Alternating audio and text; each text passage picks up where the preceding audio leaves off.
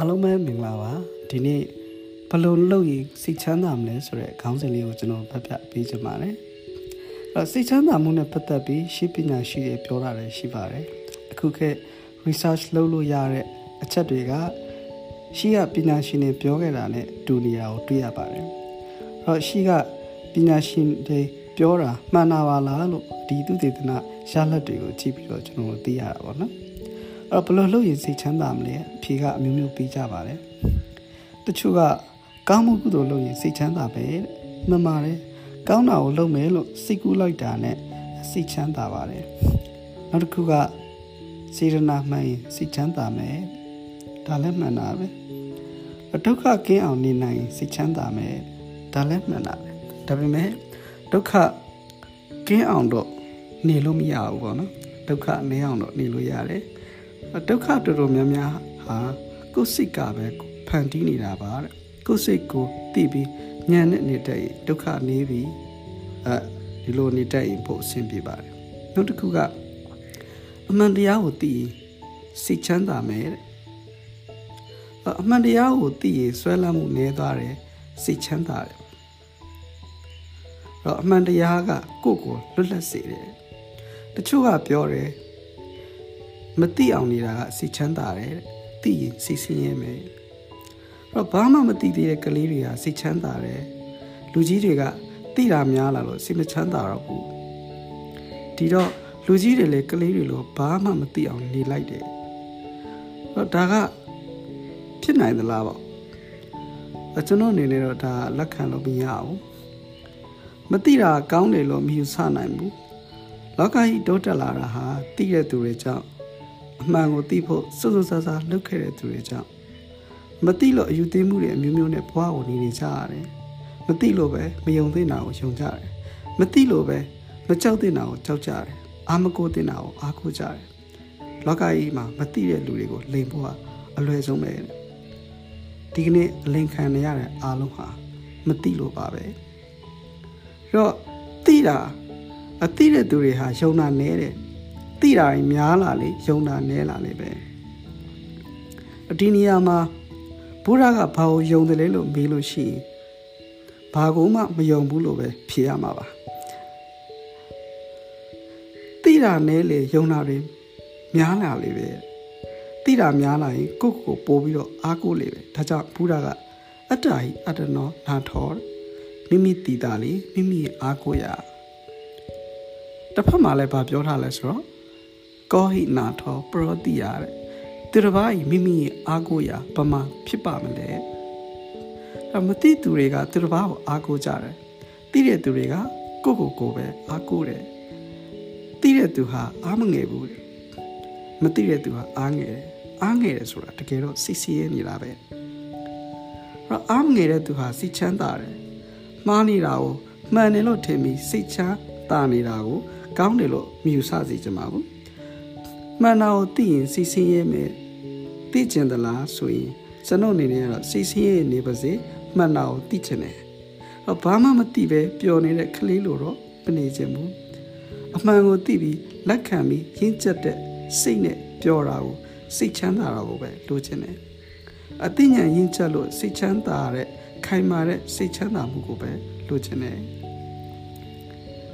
နောက်တစ်ခုက အာယုံ၅ပါးကိုမခံစားဘဲနဲ့နေရင်စိတ်ချမ်းသာတဲ့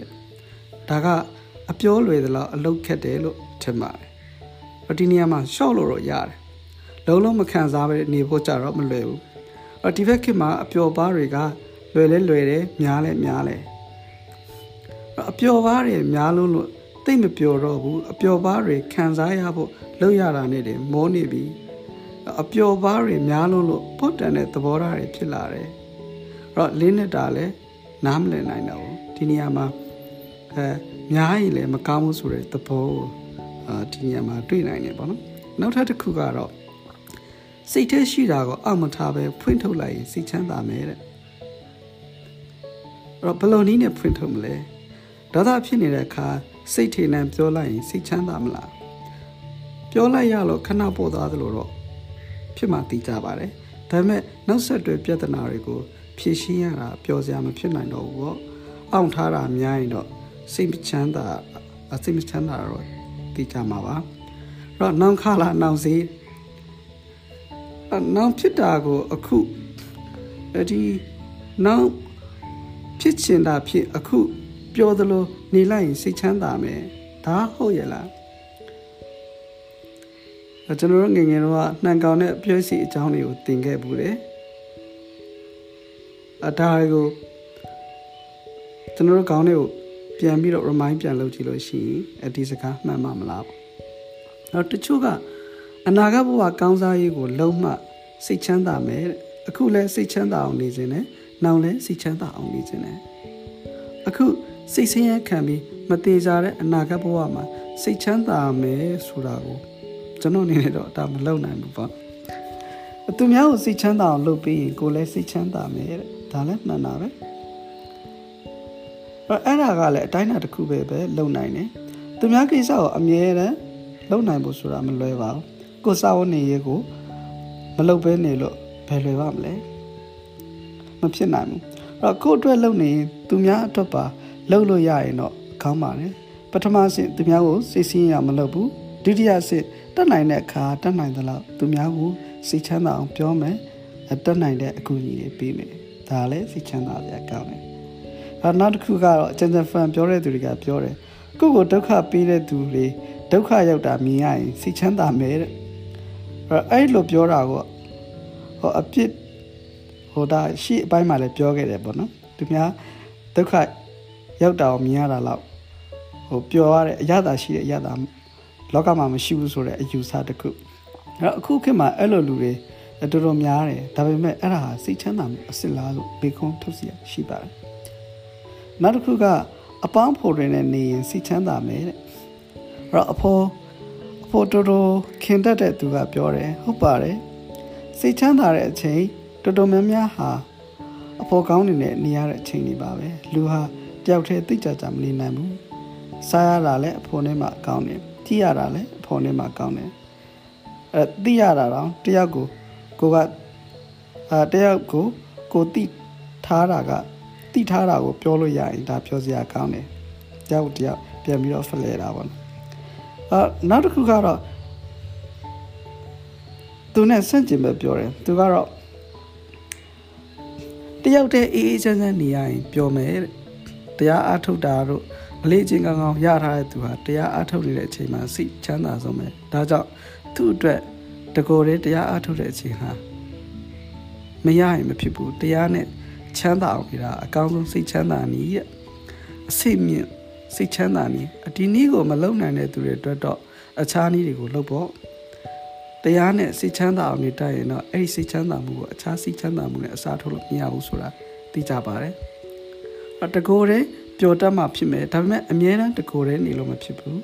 ဒါကြောင့်အခြားအချိန်တွေမှာအခြားအချိန်တွေမှာလည်းစိတ်ချမ်းသာအောင်ဘယ်လိုနေရမလဲဆိုတာကိုကျွန်တော်တို့တွေလေ့လာရပါမယ်နောက်တစ်ခုကရောင်ရဲတဲ့သူဟာစိတ်ချမ်းသာတယ်လို့သူတေသနာပညာရှင်တွေကပြောတာကိုတွေ့ရတယ်။ဒါကိုရှိပညာရှင်တွေကလည်းပြောခဲ့တယ်။အဲအဲ့ဒါကတန်တုတ်တီပရမန်ဒနန်တဲ့အဒါကဘုရားပြောထားတာပေါ့နော်။ရောင်ရဲခြင်းဟာအစင့်မြင့်ဆုံးဥစ္စာဒနာဖြစ်တယ်တဲ့။မရောင်ရဲနိုင်တဲ့သူဟာ ဘလောက်ပဲရှိရှိလိုသေးတယ်လို့ပဲထင်နေသေးတယ်။ဒါကြောင့်မပြည့်စုံသေးဘူးမပြည့်စုံတာဟာချွတ်တက်နေတဲ့သဘောပဲချွတ်တက်နေတယ်ဆိုတာဆင်းရဲတဲ့သဘောပဲအစဉ်းစားစရာကောင်းတာကရောင်ရဲရင်မတိုးတက်ဘူးလို့ပြောကြတာလည်းရှိတယ်အဲ့ဒါမှန်သလားရောင်ရဲတဲ့သူဟာတိုးတက်နိုင်သလားရောင်ရဲတဲ့သူဟာစိတ်ချမ်းသာတယ်စိတ်ချမ်းချမ်းသာသာနဲ့နေပြီးနောက်ထပ်ကိုလိုချင်သေးတာကိုလှုပ်လို့မဖြစ်ဘူးလားဘလောက်ရှိရှိမရောင်ရဲနိုင်ရင် ဘယ်တော့မှစိတ်မချမ်းသာဘူးအဲ့ဒါကောင်းသလားရောင်ရင်းတဲ့သူဟာနောက်ထပ်ရအောင်မလုပ်တော့ဘူးလို့ဆိုလိုတာလားအဲ့ဒီမိကုန်းကိုကျွန်တော်တို့မေးသင့်ပါတယ်အဲ့တော့နောက်ထပ်ရအောင်လုပ်သေးတယ်ဆိုလို့ရှိရင်နောက်ထပ်လိုချင်သောလို့ပေါ့လိုချင်သေးရရောင်ရည်တယ်ဆိုနိုင်သလားအဲ့တော့ဒီနေရာမှာတန်တုတ်ထီဆိုတဲ့ပါဠိစကားလုံးကိုအတိတ်ပေတည်တည်ချာချာဖော်ရရင်ကိုမှရှိတာနဲ့ဝမ်းသာ စိတ်ချမ်းသာတာလို့အတိတ်ပေရတယ်နောက်ထပ်မလိုချင်တော့ဘူးနောက်ထပ်ရအောင်မလုပ်တော့ဘူးလို့မဆိုလို့ဘူးရှိနေတာနဲ့ဝမ်းသာတယ်စိတ်ချမ်းသာတယ်နောက်ထပ်ရအောင်လုပ်သေးတယ်ဒါပေမဲ့စိတ်ချမ်းချမ်းသာသာနဲ့ပဲလုပ်တယ်အဲ့ဒီလိုသဘောပေါက်တဲ့တယ်ပေါ့နော်ဆိုတော့အဲ့ဒါကရှင်းတယ်ရှိနေတာနဲ့ဝမ်းသာရဲဆိုတာနောက်ထပ်ရအောင်မလုပ်တော့ဘူးလို့ဆိုလိုတာမဟုတ်ဘူးလုပ်သေးတယ်ဒါပေမဲ့စိတ်ချမ်းချမ်းသာသာနဲ့ပဲလုပ်နိုင်တယ် နောက်ထပ်မရလဲစိတ်ချမ်းသာတာပြတ်မသွားဘူးအဲ့ဒါအရေးကြီးဆုံးအချက်ပဲအဲ့တော့နောက်တစ်ခုကရေရိုးတဲ့သူဟာစိတ်ချမ်းသာတယ်လို့ဆိုရဲရေရိုးတယ်ဆိုတာဘာလို့ဆိုလိုတာလဲပြီးတော့ပြီးတယ်ဒါပေမဲ့ကုံလည်းမကုံသွားဘူးဆိုတဲ့သဘောပေါ့ကဲဒါကတော့ဒီစိတ်ချမ်းသာအောင်နေရာနဲ့ပတ်သက်ပြီးပေါ့နော်နောက်တစ်ခါ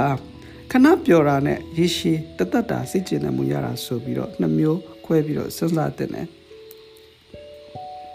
ခဏစိတ်ဆင်းရဲပြီးတော့မကြခင်မေ့သွားတတ်တဲ့ကိစ္စတွေရှိသလိုခဏပျော်ပြီးတော့မကြခင်စိတ်ဆင်းရဲစရာတွေနဲ့တွေ့တဲ့အခါပျော်တာကကြက်ပြောက်နှစ်ပြောက်ပျောက်သွားတာလည်းရှိတယ်။များသောအားဖြင့်စိတ်ဆင်းရဲစရာတွေကလည်းမမြဲသလိုပျော်စရာတွေကလည်းမမြဲဘူး။ကိုအင်မတန်ချစ်တဲ့သူတွေတည်ဆုံးသွားတဲ့အခါစိတ်ဆင်းရဲပေမဲ့တည်သောသူကြာရင်မေးဆိုသလိုကြာတော့လဲမိမိပြောက်ပြောက်ဖြစ်သွားတတ်တယ်။အဲ့ တော့မော်တော်ဆိုင်ကယ်မှောက်ပြီးတော့လက်ပြတ်သွားတဲ့သူတယောက်ကအစမှစိတ်ဆင်းရဲနေပေမဲ့မကြခင်မှာနေသားကျသွားပြီးတော့ပျော်ပျော်ရွှင်ရွှင်နေသားတာကိုကျွန်တော်တို့တွေ့နိုင်တယ်။ဒီလိုပဲထီပေါက်လို့အရန်ပျော်တဲ့သူတယောက်ကလာပိုင်းတွင်းမှာရင်တုံးကလိုပဲသိမပျော်တော့တာကိုကျွန်တော်တို့တွေ့နိုင်တယ်အိမ်အောင်ကြကားစားမှာတိတ်ပြောတဲ့သူတယောက်ဟာမကြခင်မှာသူ့တငယ်ချင်းကိုမင်းအိမ်တော်မပြုတ်တော့နဲ့ကွာလို့အကြံပေးတာတွေကိုကြားရတယ်။ သူ့တငယ်ချင်းကမင်းကြတော့အိမ်တော်ပြုတ်ပြီးတော့ငါကြတော့အိမ်တော်မပြုတ်နဲ့လို့ပြောတာဘယ်တရားမလဲလို့ပြန်ပြောတော့ငါမသိလို့ပေါ့ကွာတဲ့။အဲ့တော့ဘေဘက်ခြေတော့တစ်ဖက်ပဲရှိတဲ့လူတယောက်ဟာကျွန်တော်ကကခုံရတာကခုံရတာရဲ့ပျော်ရွှင်မှုကိုမသိပေမဲ့ဘေဘက်ခြေထောက်နဲ့ပကြီးဆွဲရတဲ့အရာတာကိုတော့သိပါတယ်တဲ့သူကဘဲဘဲခြေထောက်တစ်ဖက်ပဲရှိတဲ့အဲ့ဒီခြေထောက် ဘဲဘဲခြေထောက်ပဲတစ်ဖက်ပဲရှိတယ်အဲ့ဒီခြေထောက်နဲ့ပကြီးဆွဲတယ်ကဲအဲ့ဒီလိုပဲပတ်စံမချမ်းသာပဲမဲ့ပျော်နေသူတွေရှိပါတယ်အခုရနေတဲ့ဝင်ငွေရဲ့နှစ်ဆလောက်ရရင်တိတ်ပျော်မှာပဲလို့ပြောတဲ့သူတွေဟာဝင်ဝင်နှစ်ဆရတော့လဲခဏပဲပျော်ကြတယ်မကြခင်အရင်တော့ကပျော်သလောက်ပဲပျော်တယ်အရင်ကလောက်တော့စိတ်မစင်းရတော့ဘူးစားဝတ်နေရနည်းနည်းပို့အဆင်ပြေလာတဲ့အဆင်ပြေလာတာတော့တော့အသက်ရှူရှောင်သွားတာပေါ့နော်အ ဝင်ငွေစေစတိုးရင်စေစပြောမယ်လို့ကျွန်တော်တို့မပြောနိုင်ဘူးအရေးကြီးတာကဘလို့အခြေအနေမျိုးမှာပဲဖြစ်ဖြစ်စိတ်ချမ်းသာအောင်ကိုယ့်ကိုယ်ကျွန်တော်တို့လေ့ကျင့်ထားဖို့အတွက်လိုအပ်ပါတယ်ငွေကြေးအင်မတန်ချမ်းသာကြွယ်ဝတဲ့သူတွေဟာလည်းတိတိတသာကြီးမပြောကြပါဘူးစားနိုင်တောက်နိုင်တဲ့သူတွေထက်အထူးပိုပြီးပြောတယ်လို့ကျွန်တော်တော့မထင်ပါဘူး။ငွေဆိုတာကျမ်းမာရေးလိုပဲ။ကျမ်းမာနေတော့ကျမ်းမာလို့ ကျမ်းမာလို့ပျော်လိုက်ရတာလို့တွေးမိသူကတိတ်နေပါတယ်။မကျမ်းမာတဲ့အခါမကျမ်းမာလို့စိတ်ဆင်းရဲလိုက်တာလို့ပြောကြတာပဲကျွန်တော်တို့ကြားနိုင်ပါတယ်။ငွေလည်းဒီလိုပဲမရှိလို့စိတ်ဆင်းရဲလိုက်တာလို့ပြောပြောကြတာကိုကြားရတယ်။ရှိတော့လေတိတ်သတိမရကြတော့ပါဘူး။အတောင်းလိုက်ရတော့ခဏတော့ပြောမှထင်တယ်စိတ်ချမ်းသာမှုကိုငွေနဲ့ဝယ်လို့ရသလားငွေရှိရင်ဒုက္ခတော်တော်နည်းသွားတာအမှန်ပဲ ငွေမရှိလို့စားဝတ်နေရအဆင်မပြေလို့စိတ်ဆင်းရဲကိုယ်ဆင်းရဲဖြစ်ကြတာများပါတယ်ဒါပေမဲ့ပတ်စံအချမ်းသာဆုံးသူကစိတ်အချမ်းသာဆုံးလူလို့ပြောလို့တော့မရဘူးပတ်စံချမ်းသာပြီးစိတ်ဆင်းရဲလူတွေ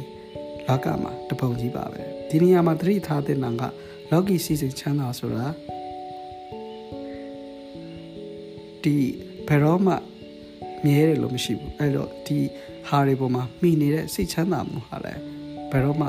မြဲတယ်လို့မဆိုလိုပါဘူးဒီနေရာမှာဆိုလိုရင်းကကျွန်တော်တို့စိတ်ချမ်းသာအောင်ကျွန်တော်တို့ဘဝထဲမှာကိုယ့်ကိုယ်ကိုဘယ်လိုတည်ယူရမလဲဆိုတဲ့အကြောင်းအရာလေးကိုပဲပြောချင်တာဖြစ်ပါတယ်အားလုံးကိုယ်စိတ်နှပြချမ်းသာချမ်းသာကြပါစေ